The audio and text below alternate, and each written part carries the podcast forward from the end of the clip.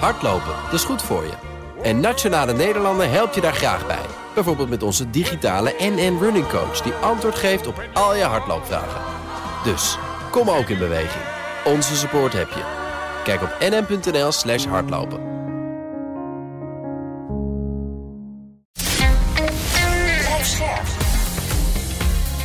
BNR Nieuwsradio. De AEX-factor. Wesley Weerts, Jelle Maasbach. De AX-factor, je wekelijkse portie beurs en economie. De podcast voor de slimme belegger. En elke week een gast in de studio die jou bijpraat over beurzen, beleggen en vermogen opbouwen. En bij ons vandaag Bob Homan, hoofd van het ING Investment Office. En met jou Bob praten we deze week over het snelle herstel van de beurs. We hadden het er vorige week al even over. Op het dieptepunt in oktober stond de AX op 611 punten. En inmiddels zijn we al ruim door de 720 punten gebroken. Maar of dat voldoende is om horrorjaar 2022 positief af te sluiten, dat hoor je de komende minuten. Want is de negatieve trend doorbroken en kunnen beleggers zich gaan opmaken voor een eindejaarsrally? Of is het nog te vroeg voor een feestje met uh, oliebollen en champagne? Uh, Bob, uh, laten we even beginnen bij dat sentiment. Want de beurs zat vorige maand nog in een soort van depressie. Nu lijkt de stemming uh, nou, opperbest, in ieder geval een stuk beter. Waardoor is die stemming opeens zo omgeslagen? Ten eerste omdat beurzen vaak wel manisch depressief lijken. vorige week vorige maand leek nog alles slecht. Nu lijkt alles, um, alles goed. Nou, de waarheid zal een beetje in het, in het midden liggen, denk ik. Ik denk ook dat koersen nog sneller reageren dan, dan vroeger. Het lijkt toch wel, en, met name in Amerika, hè, dat um, de beurs ook wel door algoritmes een beetje beheerst wordt. Die echt reageren als het inflatiecijfer lager is dan verwacht. Dan moeten we alles kopen wat los en vast zit. Ja, dan krijg je een soort van domino-effect. Ja. En de, inderdaad, dat Amerikaanse inflatiecijfer, dat was de, de trigger, toch? Van dat, de, zeg maar het kantelpunt. Dat was de start, inderdaad. En je zag de, de rentes daar uh, op fors naar beneden lopen. Kijk naar de Duitse rente, die was op het hoogtepunt die maand geleden 2,4 procent. Nu 1,8, 1,9. Ja, er zit echt een heel groot verschil tussen. Ja, en de hoop is ook een beetje dat de Fed de rente minder hard gaat verhogen. Denk je ook dat de Fed dus inderdaad die rente minder hard laat oplopen de komende tijd, omdat dat inflatiecijfer meevalt? Ja, ja, ik denk wel eens dat inflatie uh, wat sneller terug kan vallen dan iedereen nu verwacht. Het is ook veel sneller omhoog gegaan dan iedereen verwachtte. En ik vond, hey, je zag deze Duit, week het Duitse uh, producentenprijsinflatiecijfer was al min 5% zo'n beetje. Mm -hmm. Terwijl er rond de nul werd verwacht. Dan zie je ook, eh, vooral door die basiseffecten, omdat het zo hoog was. En kijk maar naar bijvoorbeeld, van de zomer tankte ik nog voor 2,20 euro benzine. Ja, bizar. Nu is het volgens mij 1,75. Ja, dat is een uh, stuk lekkerder ja, als je in de pomp staat. En dat is dan gewoon weer deflatie hè, vanaf dat hele hoge niveau. Ja, en nou zijn jullie net al, de AX stond vorige maand op 611 punten. Als ik nu op het moment dat we deze podcast opnemen, staat de AX op 723 punten. Ruim 100 punten daarboven. Maar als we de AX vergelijken met andere beurzen, hoe, hoe doen wij het dan? Nou, nu, nu gaat het wel. We, uh, we, we, hadden best wel een, een zwak jaar. Ik denk dat de AX nu, wat is het, min 9, min 10 staat hè, op jaarbasis. De wereldindex nu op min 7. Nou ja, dan, zit je een beetje in het, uh, in het gemiddelde. Niet, uh, niet heel slecht. En ik denk ook, we kunnen het een horrorjaar noemen. Ja, zeker voor obligatiebeleggers. Die hebben nog steeds niet zo'n slecht jaar gehad. Het is min 15 procent. Dat is echt voor wereldwijde obligaties. Dat is echt ongekend. Maar voor aandelenbeleggers, ja, een jaar van min 9 ja, hoort er ook gewoon een beetje bij. Hè? Die hebben we andere jaren ook gedurende het jaar, denk ik, wel eens, wel eens gezien. Ook in de hele goede jaren. Straks meer, dan hoor je of er een eindjaarsrally komt en wat er voor nodig is. Ook hoor je welke aandelen hiervan vooral profiteren, dus welke je in je portefeuille moet hebben. Maar we beginnen met het nieuws dat je als belegger deze week niet had mogen missen. De Amerikaanse centrale bank wil het wat rustiger aan gaan doen. A substantial majority support likely slowing the pace of tightening soon. That really does set up for a 50 basis point rate hike in December. A few suggested it was better to wait to slow hikes until it was clear that inflation is receding. De afkoeling op de woningmarkt zet door. In oktober daalden de huizenprijzen opnieuw. Het is de derde maand op rij dat de huizenprijzen nu dalen. De nieuwbouw stagneert. Het consumentenvertrouwen neemt af en de hypotheekrente stijgt. Er pakken zich weer donkere wolken samen boven de Nederlandse woningmarkt. En dit keer niet omdat oververhitting dreigt, maar er nadert een recessie. De pensioenen van alle leraren, politieagenten en ambtenaren gaan per 1 januari 2023 met bijna 12% omhoog. En nog nooit eerder in de 100-jarige geschiedenis van ambtenarenfonds ABP stegen de pensioenen zo hard. Dat betekent dat eh, pensioenfondsen minder vermogen in kas hoeven te hebben om aan hun toekomstige verplichtingen te voldoen. En dat maakt eh, dat het mogelijk is eh, om die pensioenen te verhogen. Het was de week van Manchester United en dat ondanks de winterstop. Het aandeel ging met tientallen procent omhoog. Manchester United on a wild ride today, soaring most recently on reports from Sky News that the American owners, the Glazers, are exploring their financial options that could include an outright sale of arguably the most famous football club on the planet. De olieprijzen gingen daarentegen hard naar beneden. Een hoger dan verwacht prijsplafond voor Russische olie en een verrassende toename van de Amerikaanse voorraden waren onder meer de reden. Price of crude down, having hit a two-month low the day before. Investment banking giant Goldman Sachs cut its oil price forecast by $10 to $100 per barrel. Wat een sfeermaker. Wordt PostNL binnenkort Post Tsjechië. De Tsjechische miljardair Daniel Kretinsky die heeft ietsjes minder dan 30% van de aandelen in handen. Bij 30% moet hij een openbaar bod uitbrengen. Maar het was vooral de week van de comeback, want Bob Iger, oud-topman van Disney, wordt weer de topman van Disney. Een jaartje kon hij genieten van zijn pensioen, maar de mediareus die haalt hem terug. Het bedrijf eh, wil dat hij zijn kunstje gaat herhalen. Bob Iger die was de CEO van 2005 tot 2020. Een tijd waarin hij het bedrijf er bovenop hielp en ook een opvolger vond. Maar ja, de mentor heeft zijn leerling nu weer vervangen. The board did not really consider or have a lot of other candidates that they truly were seriously considering. And I'm also told as well that while they may have identified some internal candidates who they believe over time could take the job, they did not want to put anybody in that position right now, given all the different pressures, Joe, that they're dealing with right now at Disney. Ja, een beetje een, uh, een soap uh, als je dit uh, hoort, Bob. Ook een Bob. We hebben nu Bob Iger, Bob Chapek en Bob Homan. Maar dat uh, terzijde. Dit is de mentor die zijn leerling eruit wipt. Hoe, hoe kijk jij naar deze soap? Nou, het is inderdaad een beetje een, uh, een soap. Hè? Maar ik zei er van de week iets over op, um, op RTL Z. En mijn vrouw, die kijkt nooit, maar die had toevallig gekeken. Die zegt, joh, het leek wel of je bij shownieuws uh, zat. Hè? want het ging over... Hij heeft zich, die man heeft zich volgens mij heeft hij niet heel veel verkeerds gedaan. Hè? Maar wel allerlei dingen gedaan waardoor hij niet populair is geworden. Hè? Ja. Met Scarlett Johansson geloof ik iets... Um, een, dingetje gaat over salaris, wat, wat niet hoog genoeg was. Uh, hij heeft zich niet uitgesproken tegen de Don't Say Gay Bill in, ja. in Florida. Werd hem niet in dwang afgenomen. Hij had nog iets met, volgens mij, salarissen van verschillende managers. Viel ook niet goed. Dus inderdaad een beetje uh, shownieuwsachtige dingen. En dan kwam hij natuurlijk ook nog aan in een periode midden in COVID. Pretparken dicht, uh, streamingsdiensten lopen goed, maar moest veel in geïnvesteerd worden. Dus onderaan de streep komt daar uh, een min uit. Ja, hij had de tijd niet mee, om het zo te zeggen. Ja, het is een beetje entertainment achter, maar goed, het is ook het grootste mediabedrijf van de wereld. Dus dan, dan krijg je dit soort uh, tafereelen en, en, vergelijkingen. Maar toch, dat een voorganger zijn opvolger weer moet vervangen. Hoe kijk je daar als buitenstaander naar? Nou ja, er zijn wel onderzoeken naar gedaan. Hè? Als een oude topman weer, uh, weer terugkomt. Over het algemeen is dat niet goed voor nee? de koers van het, uh, van het aandeel zeg ik gelijk bij over het algemeen. Want in dit geval, hè, deze man is wel heel populair. Uh, nog steeds bij, bij klanten, denk ik. En bij zijn mensen. En bij klanten ook. Hè, de prijs van pretparken werd verhoogd. Dat we de vorige Bob ook kwalijk, uh, kwalijk ja. genomen. En hij komt ook best wel weer binnen in een tijd dat het allemaal weer kan. Hè? Die grote investeringen voor streaming. Nou, die zijn, de allergrootste zijn denk ik gedaan. Mm -hmm. En ze zijn nu met de verschillende streamingsdiensten die ze, die ze hebben groter dan Netflix. Hè. Ik geloof dat ze 280 miljoen abonnees hebben hè, als je het optelt. Pretparken zijn weer open. Um, die cruise, ze hebben ook nog een aantal cruise lijnen. Hè, die, uh, die kunnen nu ook weer. Uh, Hij misschien de wind wel meer mee dan. Ja, uh. de koerst een beetje eigenlijk op, op twee werelden. Hè. Op de nieuwe wereld met streamingdiensten en op de oude wereld met de pretparken en dergelijke. Daar moeten ze denk ik wel een keer een keuze in maken. Maar voor de komende twee jaar zou je zeggen dat het alle twee wel een beetje mee kan zitten. Buiten ja. een recessie dan voor de, voor de pretparken. Maar ze, het is in ieder geval een stuk meer dan, uh, dan een jaar geleden. Wat ze naar beleggers hebben uh, gemeld, wat ze naar buiten hebben gebracht, is dat ze meer in willen zetten op die streamingtak. Ze hebben ja. natuurlijk ook de afgelopen jaren onder. Uh, eh, ja, de huidige topman eh, Bob Iger hebben ze gigantisch ingezet op die streamingtak. Dat, dat kost veel geld.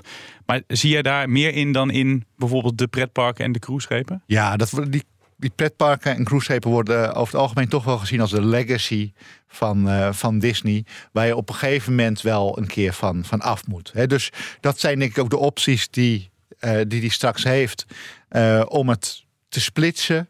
Er wordt zelfs ook wel gezegd, misschien kan hij het in zijn geheel verkopen. Hè. Apple wordt wel genoemd. Ja. Ja, lijkt Een mij, enorme overname. lijkt mij een beetje te. Ehm, maar goed, eh, je moet nooit wat, eh, wat uitsluiten. Ehm, maar dat er een, een keer een, een splitsing gaat plaatsvinden, eh, of langzaam maar zeker. En daar kan deze topman denk ik wat aan doen, want die heeft natuurlijk een hele geschiedenis. Hij heeft het allemaal bij elkaar geregen. Ja. Ehm, en kan er nu ook, denk ik, met succes. Hè, en aandeelhouders belonen vaak beide, hè, vreemd genoeg. Ehm, ook wel weer zeggen: oké, dit is het grote succesnummer, streaming, voor de komende tijd. En dan gaan we af bijvoorbeeld van nou, de pretparken en zeker die cruiseschepen. eh, die lijken me dan voor de hand te liggen. Wat vind jij van het aandeel Disney? Ja, wij vinden het wel ehm, eh, aantrekkelijk op dit moment. Ja? Eh, maar moeilijk te beoordelen doordat het zo'n dubbel bedrijf is. Maar voor de komende tijd, omdat beide kanten goed zouden moeten kunnen gaan lopen, zijn we wel positief. Bob Iger is een beetje de Louis van Gaal van de bestuurskamer. Die wordt eh, binnengehaald in geval van nood. Hij blijft nu voor twee jaar. Dan moeten ze een opvolger hebben. Die was de intern nog niet. Wat moet je daarvan maken als belegger? Want het is wel een onzekerheidje. Ik ben, zit zelf altijd in de school dat het effect van een topman, als je bedrijf voor de rest goed gemanaged is, is, is vrij beperkt. Ehm, nou is dat bij Disney misschien anders, omdat ze hè, zoveel aan elkaar geregen hebben en nu weer af moeten splitsen. Ik verwacht ook eigenlijk wel dat hij binnen die twee jaar een duidelijk plan heeft hoe die nieuwe en het oude Disney uit elkaar gaan. Ja, dan gaan we naar de discountkoning onder de Europese aandelen, Prosus. De tech-investeerder met de notering in Amsterdam kwam met een serieuze winstwaarschuwing. Van de winst die daalde namelijk met 60% tot net geen 900 miljoen dollar. Eh, Bob, waar wordt die forse daling door veroorzaakt? door de grote deelnemingen, hè, Tencent, die, eh, die minder eh, waard is. Misschien ook wel een beetje de eigen schuld hè, van, eh van Proces, omdat ze zoveel van die aandelen verkopen. Ja. En aan de andere kant heel veel investeringen, vooral ook in voedselbezorging. Ze doen ook nu deals met supermarktbezorgen en, eh, en dergelijke in alle delen van de wereld. Heel veel investeringen. Dat zie ik eigenlijk wel weer als positief. Want het mooie daar, en dat geven ze denk ik ook aan in het persbericht. De grootste investeringen, nou, misschien net als bij Disney Streaming, eh, zijn daarin wel gedaan. Dus dan moet je de komende jaren ook weer behouden. Dat is natuurlijk een hele stevige recessie. Ja, dan ga je daarvan Eh, profiteren. de- de vruchten van kunnen plukken. Ja, Ja. precies. Want ze zitten in die e-commerce bedrijven. Daar hebben ze flink in geïnvesteerd. Tencent noemde je net al even. Ze hebben daar altijd nog 28% eh, belang in. Echt een flink belang bouwen ze wel af. Maar Ja. tegelijkertijd, ook Tencent loopt wat minder goed. Dus dat betekent dat als je je belangen verkoopt... dat dat ook minder oplevert. Dat drukt dan dus ook op de winst, begrijp ik. Ja, absoluut. Ja, en nou, dat hebben ze best heftig gedaan. Hè. Ze hebben volgens mij al voor een kleine 6 miljard verkocht. Nou, dat zie je denk ik terug op de beurs met Tencent. ehm, waarbij eh, de Tencent eigenlijk beter bleef liggen dan de rest van tech. eh, tot Proces eerder dit jaar aankondigde eh, die aandelen te gaan verkopen. Mhm. Ja, en dat hangt boven de markt. En dat eh, is ook echt in de markt gekomen. En sindsdien doet Tencent denk ik ongeveer net zo slecht als een gemiddeld eh, tech, eh, techbedrijf. Dus ik zou zeggen, als ik, te- als ik Proces was, heb er nou ook niet al te veel haast mee. Hè? Ehm, want dan verpest je je eigen, eigen markt. Ja, zeker. ook- Want je drukt die koers gewoon verder omlaag als je het verkoopt. Klopt. Nou ja, Ja. En natuurlijk is die Chinese markt best wel onzeker. Maar wat je aan Tencent denk ik wel ziet. De omzet was wat gedaald. Hè. Dit, als je dan naar Tencent omdat het zo belangrijk is voor Proces eh, kijkt. De omzet was wat gedaald. Maar ze hebben de kosten echt wel fors naar beneden weten te brengen. Dus er kwam toch nog iets meer winst uit dan vorig jaar. En dan zou je zeggen, ze hebben zich nu wel helemaal geschikt naar de regels van de Chinese overheid. Hè, met, zeker op gaminggebied, hè, waar, nou, ik weet niet precies hoeveel uur jongeren nog mogen gamen in China, maar het is niet heel veel meer. En volgens mij ook alleen in het weekend. Ja. En dat, dat zit er allemaal wel, uh, wel in. Dus er uh, wij verwachten ook, het verwacht de markt trouwens ook hoor, dat de winst van Proces de komende jaren weer fors omhoog kan. En, uh, en de omzetten ook. Ja, want hoe gaan ze dat? Want ze hebben gezegd, wij willen ons kernbedrijf binnen twee jaar weer op winst hebben. En dan gaat het om de investeringen in bijvoorbeeld maaltijdbezorging. Of ze zitten ook in allerlei marktplaatsen in fintechbedrijven.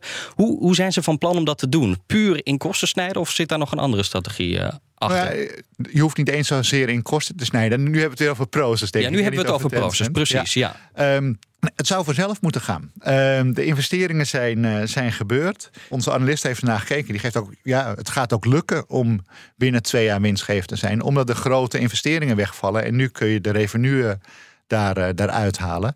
En behoudens een zware recessie, hè, waarbij die e-commerce helemaal op zijn gat zou vallen, ja. um, zou dat ook, um, ook moeten lukken. Maar hebben beleggers daar ook het vertrouwen in en het geduld ook voor? Want ik, ik konde dit aan als, als de discount koning. Het is nu Black Friday. Nou, als je ergens korting kon scoren, dan was het bij Proces de afgelopen jaren.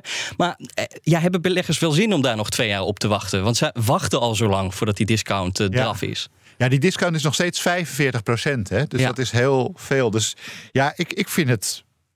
Ik vind dat nog steeds eh, best aantrekkelijk. Hè? Want ik vind Tencent ook best wel een aantrekkelijk bedrijf. Nou ja, als je dan die deelneming kan kopen met 45% korting, daar komt Nou ja. een beetje op neer. Dan moet die discount er wel uit Ehm, afgaan, anders profiteer je er niet van. Ja, maar die vroeg of laat eh, zou die een keer uit moeten gaan. En ja, ik vind dat je als belegger dan wat langer geduld moet hebben dan één of twee jaren. Je, je moet er dan voor de misschien wat langere termijn in zitten. En vaak verwacht je ook al dat zo'n discount langzaam maar zeker eh, uitloopt. Ze gaan ook door met aandelen opkopen. Ik, ik zou het zelf juist wel prettig vinden als ze niet al te snel verkopen.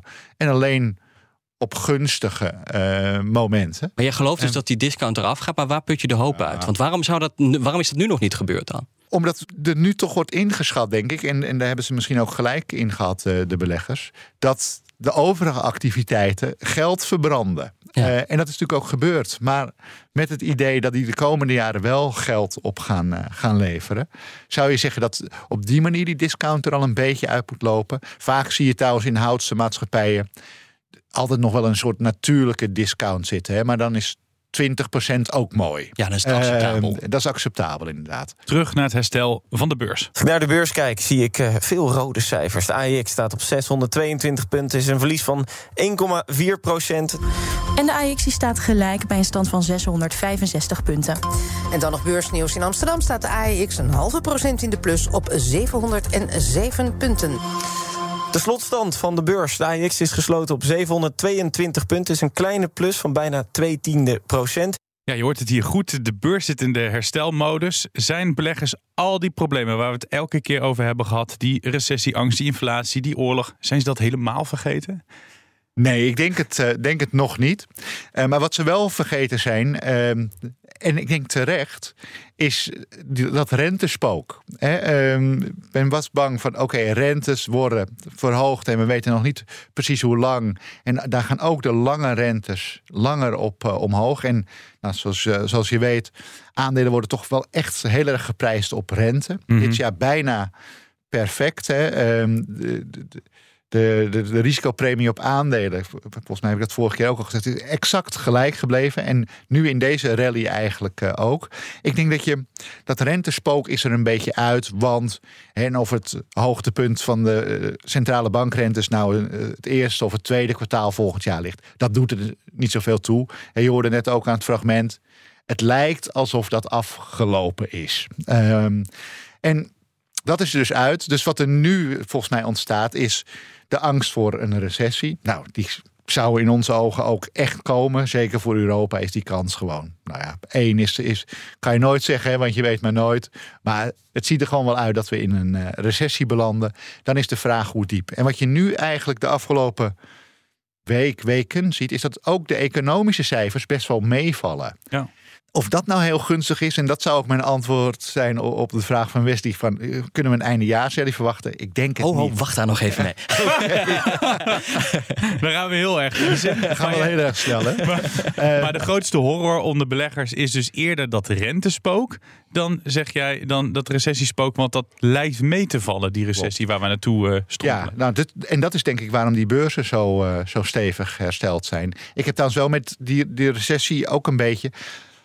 Laat hem dan maar komen, want dan kunnen we er alvast doorheen kijken. Want iedere keer als het cijfer nu meevalt, we, we, we weten, het is allemaal niet heel goed dan, maar net, net goed genoeg dat je zegt van, nou ja, het is nog geen recessie. Laat hem dan maar komen ook, want dan kan je er alvast, want dat doen beleggers graag, kan je er weer doorheen kijken. Dat vind ik wel een mooie. La- kom nou maar met de slechte nieuws. Dan kunnen we weer door. Precies, ja. Hey, deze zomer, eh, Bob, werden de koersstijgingen vooral aangevoerd door de, door de techfondsen. Wie trekken nu de kar? Is dat, is dat een beetje eh, aan te geven? Nou ja, wat je vooral ziet is dat Europa echt wel de kar trekt. Hè? Ehm, Amerika deed het denk ik het hele jaar wat beter. En dan had je ook nog een soort een, het dollar-effect. maar nu trekt Europa echt ehm, de kar. En je ziet ook de dollar wat eh, zwakker eh, worden. Ehm, dus voor Amerikaanse beleggingen als, als Europeaan betekent dat dat je daar eigenlijk niet zo heel veel koerswinst meer, eh, meer op hebt. En dan is het best wel breed, breed gedragen. Je ziet natuurlijk de chipsector hè, ehm, op de Nederlandse beurs heel sterk vertegenwoordigd. Die het echt heel goed doet. Hè. ASML stond onder de 400. Loopt nu denk ik bijna richting de 600. Hè. In, wat is het? Zes weken tijd. bizar toch? Ja, dat is echt bizar. Ehm, en op 400 durfde ik echt te zeggen, joh, koop ze en over drie jaar heb je er heel veel plezier van. En ze kunnen best nog wel eens een keer 300 staan. Maar nu op Maar je had niet 600... verwacht dat het in zes weken tijd zou Nee. gebeuren. En, en, maar nu op 600 denk ik van, ja, weet je, ik vind het nog steeds een mooi bedrijf. Was ASML echt op zichzelf staand? Of, of waren er nog meer eh, bedrijven die zo'n bizarre weg omhoog hebben ingezet? Nou, je ziet het bij, bij wel meer bedrijven en ook best wel flink verspreid over de sectoren. Ehm, eigenlijk deed dit tij liften echt alle boten, om het, eh, om het zo te zeggen. Ehm, er zaten, ehm, ja, er ble- bleef bijna niets achter, denk ik. Financials deden goed mee, de energieaandelen deden er nog goed mee. Dus echt een, een onderscheid tussen groei en waarde. Hè, wat je ehm, bij de vorige rally zag op rente. Dat die groeiaandelen, die heel renteafhankelijk zijn, eigenlijk als enige eh, de, de kar trokken. Zie je nu eigenlijk niet. En dan is dit eh, echt een, eh, een herstel te noemen. Is het een kans of, of kan het ook een risico zijn voor beleggers? Nou ja, het kan natuurlijk ook altijd wel weer een, een risico zijn. Ik vind het wel weer heel hard gegaan. Ehm, dus ja, toch te hard? Ja, dat. Of is dat moeilijk te zeggen? Dat vind ik moeilijk. Weet je, eigenlijk wat je misschien verwachtte van oké, dit lijkt me een gezonde stand voor over een jaar. Hè, als, we, als we echt al een beetje door de recessie heen eh, kijken. Ja, heb je dan alweer te pakken. Maar ja, zo werken financiële markten denk ik steeds meer. En je hebt niet de kans om eens rustig af te wachten wat er gebeurt. Nee, men wil ingeprijsd, vandaag ingeprijsd hebben eh, wat, je, wat je over een jaar verwacht. Dat manische gedrag waar je het aan het begin van deze aflevering eh over Eens, had. dus daar, daar moet je dan wel in mee. Maar dat komt dus mede ook doordat ze verwachten dat dus die renteverhogingen mi- minder snel gaan stijgen. Dat zeg jij zelf ook. Dat is ook mijn verwachting. Eh, Dus daardoor ben je misschien zelf ook wat positiever. Tegelijkertijd horen we bijvoorbeeld ook een top-econoom deze week van de ECB nog zeggen: nee, voorlopig ook volgend jaar gaan we door met de rente verhogen. De OESO die roept eh, centrale banken op: ga vooral door, ook als de economische groei afzwakt. Dus ja, loop ook jij misschien niet te ver op de muziek vooruit. Ja, ik, ik denk ook dat die beleidsmakers moeten dit ook wel zeggen. Hè? Want het, het monetaire mechanisme werkt zo dat je de financiële condities moet verminderen. En je ziet als beurzen stijgen, dan lopen we ook de risicopremies op obligaties en zo terug. Dan worden de financiële condities weer, weer veel beter. Dus dan, dat effect wat centrale banken willen bereiken met de renteverhoging gebeurt dan juist niet.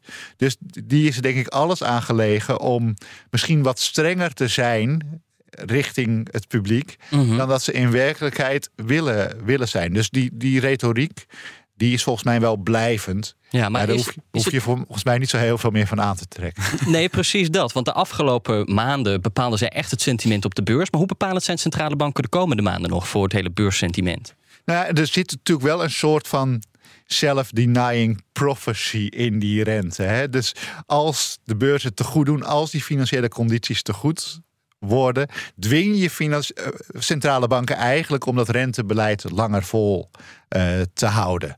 Maar ja, dan heb je het over misschien nog een keer een kwartje extra. Of dat, dat verwacht ik eigenlijk niet eens. Misschien dat je het iets langer op niveau houdt in plaats van dat je het weer verlaagt. Want nu wordt het toch echt alweer verwacht dat de centrale bank halverwege. Na de laatste renteverhoging ergens volgend jaar, de volgende renteverhoging dan naar beneden is. Ja. ja, dat kan misschien wel eens wat langer duren dan, eh, dan de markt nu verwacht. Of dat dan echt een, weer een, een game changer op markten is, dat denk ik niet. En dan komen we nu bij de centrale vraag van deze uitzending. Je wilde het net al beantwoorden, Ja. maar laat ik hem voor de vorm stellen. Die eindejaarsrally, gaat die er komen? Nee, dan denk ik toch van niet. Ik denk dat je nu eh, al zoveel eh, omhoog bent, bent gegaan. Ik, ik vind het een mooi niveau om op dit niveau het jaar uit, eh, uit te gaan. Eh, dus dat rentespel is gespeeld. Nu komt dat recessiespel. en daar zul je denk ik de komende tijd zien dat de cijfers, over de- en zeker de vertrouwenscijfers, over het algemeen ietsje beter worden. En ik denk dat de markt toch dan een beetje kijkt, zoals, zoals ik net zei, van laat maar komen met de recessie. Goh, het duurt nog wat langer, dat geeft me onzekerheid. Laat ik maar mijn kaarten een beetje op de borst houden. Ik ben voorgesorteerd op dat het straks weer beter gaat. Ja, wat moet ik nu nog? Eh, dus ik zou zeggen, nee, geen Maar- echte eindejaars. Maar tegelijkertijd, je had dat snelle herstel van ASML net ook niet verwacht. Nee, klopt. Dus kan ja. altijd meevallen. We zitten misschien goed om te, om te zeggen. In, eh, wij zitten aandelen neutraal. Ik denk nu door de markt zitten we zelfs wat overwogen. Ja, ik durf ook niet om dat af te gaan schalen. Want ik ben veel te bang om het. Om een, een stuk te missen, want je ziet hoe snel het kan gaan. Maar vind ik het toch wel interessant, want wat kan ervoor zorgen dat, eh, nou, wat je nu zegt, het lijkt dat december dan een, een saaie maand wordt, dat het niet veel meer gebeurt. Wat kan het, als we toch positief bekijken, wat kan ervoor zorgen dat het toch die eindejaarsrally komt? Wat, wat moet er dan gebeuren? Ja, wat is er voor nodig? Ja. Ehm, ja, ik, dus dat vind ik heel mooi. Ik denk als economische cijfers heel erg mee gaan vallen, zie ik hem niet gebeuren. Als ze tegenvallen, nou misschien toch als ze iets wat tegenvallen, Ja. maar niet op een manier dat een, een recessie heel diep gaat worden. En ik vind dat moeilijk voor te stellen hoor, die combinatie. Dat zou denk ik een soort ideale combinatie zijn. Want dan komen we op dat nou wat jij net ook schetst, beleggers kijken er graag doorheen. Dat je, oké, het wordt even slecht, maar niet te slecht. En dan kunnen we weer verder kijken. Maar vind ik een moeilijk voor te stellen scenario. Ja. Hey, in dit scenario, JP Morgan zegt voor beleggers waren de lange termijn vooruitzichten in tien jaar tijd niet zo goed als nu. Ben je het daarmee eens? Snap ik, ja, nee, absoluut. Ehm, kijk, de, de basis voor elke belegger is gewoon die risicovrije rente. Nou, Europese staatsleningen geven nu 3%. Laten we dat even als risicovrij eh, nemen voor een Nederlandse belegger. Ehm, risicopremie is gelijk gebleven. Nou, procent of 5, dus 8% eh winstrendement. Dat is dan wat je mag verwachten voor de langere termijn. Nou ja, dat was een jaar geleden. Die risicopremie, want toen was de rente nog nul. Was, was dus nul voor obligaties, 5 voor aandelen. Dat is nu 3 voor obligaties, 8 voor aandelen. Ja, eh, dan is dat inderdaad een stuk verbeterd. En de rente is denk ik inderdaad, de- de- en dan heb ik het over 10 jaar rente, in 10 jaar niet zo hoog geweest. Dus eh, ik ben het hem eens. Ja, en dan is de volgende vraag: wat zijn de interessante beleggingen? Wat zijn de aandelen of de sectoren? Je haalde net ASML aan. Dat is volgens mij het bedrijf dat elke week wordt aangehaald. Omdat Ja. elke analist en elke deskundige vindt dat een bizar bedrijf. Ja, als en helemaal wat daar is gebeurd. Ja, als we, als wij een eindejaarsuitzending gaan maken, dan is ASML in krijgt een ja. speciaal plekje. Precies. Doen? Los van ASML, Bob, zijn er, zijn er dus aandelen of sectoren dat je zegt, daar moet je op inzetten of die, die ga ik in de gaten houden? Ja, misschien over dat ASML nog wel, Ja. waarom het zo belangrijk is. Hè? Vroeger was Shell misschien het allerbelangrijkste. En dat is natuurlijk nog steeds een heel belangrijk aandeel op de, op de, op de Nederlandse beurs. Of nee, Engelse beurs moet ik zeggen, maar in de Nederlandse index. Ehm, maar intussen worden chips, eh, halfgeleiders, meer verhandeld dan olie in de wereld, hè? In, in bedragen. Dus het is niet zo gek dat een bedrijf zo belangrijk eh, is. Zeker als je daar aan de top van de piramide een, eh, een monopolie hebt. Ehm, maar ik, wat ik nog steeds interessant vind, is de sector eh, banken. Eh, eh, energie vinden we ook nog steeds wel aantrekkelijk. Hè, met name Europese eh, oil majors. Ja, je betaalt nog steeds, wat is het, vijf keer de winst. En ik denk dat die olieprijs, nou, wat was het, Goldman Sachs zei 100 dollar een vat. Nou ja, perfect. Hè? Als dat, en dat is dan lager dan hun vorige verwachting. Eh, dan de winsten nog steeds aan alle kanten uit. En we zijn nog gezondheidszorg ook een beetje om defensieve redenen, hè, met het oog op een recessie. Ik denk wel dat je ergens, en ik vind het heel moeilijk te timen hoor, maar gedurende eh, het komende jaar die IT-sector en die chipachtige bedrijven weer kunt aanzetten. Nou, zoals net gezegd, ASML een maand geleden, prima. Maar ik denk dat je nog wel eens een kans krijgt. En of dat weer rond de 400 is, durf ik niet te zeggen. Maar misschien op iets, iets betere niveaus dan nu. Als er ook weer eens wat slecht nieuws over de economie doorkomt. Want dat gaan we de komende maanden echt nog wel een keer zien. De AEX-factor. Wesley Weerts. Jelle Maasbach. We gaan zo verder. Eerst een bericht over een andere BNR-podcast.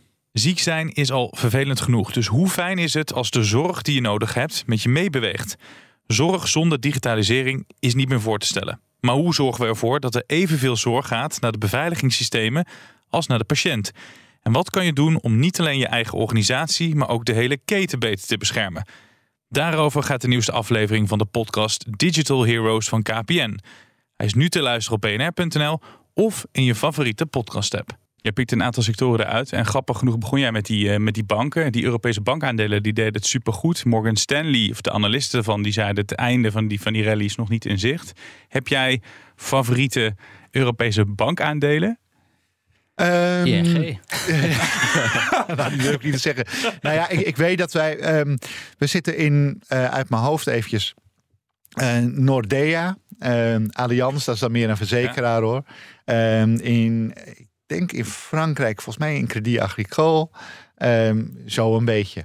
Nou, Zo'n heel concreet ja, lijstje. Ja. Ja, nou is het zo wel, hè, als die recessie eraan komt, dan moeten ze ook uh, buffers hebben om die recessie op te vangen. Ja. Hoe, hoe, staan ze ervoor qua, qua buffers? Hebben ze voldoende vet op de botten? Ja, ik denk dat heel veel Europese banken kopen ook wel alweer aandelen in. Het dividend is goed. Kapitaalposities zijn over het algemeen heel erg goed. En er wordt nu inderdaad, en daarom zie je de winsten ook wel uh, iets onder druk staan. Hè. Het rentebedrijf brengt heel veel op, maar er worden voorzieningen genomen ja. voor de komende tijd. Stroppenpot. En over het algemeen zie je dat, hè, zeker als je een milde recessie verwacht zoals wij verwachten, dat dan op een gegeven moment uh, een deel van die voorzieningen weer vrijvalt, omdat lang niet alles wat voorzien wordt uh, gebruikt gaat worden. Nee, plus die buffers die zijn dus goed, zei je net. Blijft er dan ook nog misschien wat extra geld over om als cadeautje uit te delen aan de aandeelhouders? Dat lijkt het wel op, ja. En er zijn een aantal banken die dat doen. Maar de ECB en Nederlandse Bank vinden dat natuurlijk niet leuk. Want die zeggen in tijden van nee, economische malaise... hou vooral die buffers aan. Dus uh, ja, moet je je ook niet te snel rekenen... misschien als uh, belegger in bankaandelen. Nee, ik zou zeker ook... En, maar volgens mij zijn de, bank, de meeste banken ook wel zo prudent. Als je kapitaalposities niet heel sterk zijn... doe het dan niet. Want dan zit ook die aandeelhouder er niet op te wachten. Die heeft dan ook liever dat je die buffer goed houdt. Ja, dankjewel. Dan is de, de conclusie... Die eindejaarsrally komt er niet, maar eigenlijk best nog wel een goed beursklimaat de komende tijd. Ja, we verwachten hè, voor, zowel voor obligaties als voor aandelen voor 2023 wel een positief jaar. Dankjewel voor jouw positieve verhaal. Bob Homan, hoofd van het ING Investment Office. Ja, en ASML kwam dus terug in deze uitzending. En we hebben vorige aflevering gemaakt over Warren Buffett. En die, uh, ja, die stapt nu ondanks die chipstrijd toch in chipaandelen. Dus vind je dat ook interessant? Luister ook die aflevering terug. Vergeet je niet te abonneren. En dan zeggen wij graag. Tot volgende week en luister gewoon alles terug wat Bob Homan in zat. Hè? Ja, zoek dat dan even op. ja. Tot volgende week. Hardlopen, dat is goed voor je. En Nationale Nederlanden helpt je daar graag bij. Bijvoorbeeld met onze digitale NN Running Coach... die antwoord geeft op al je hardloopvragen. Dus, kom ook in beweging. Onze support heb je. Kijk op nn.nl slash hardlopen.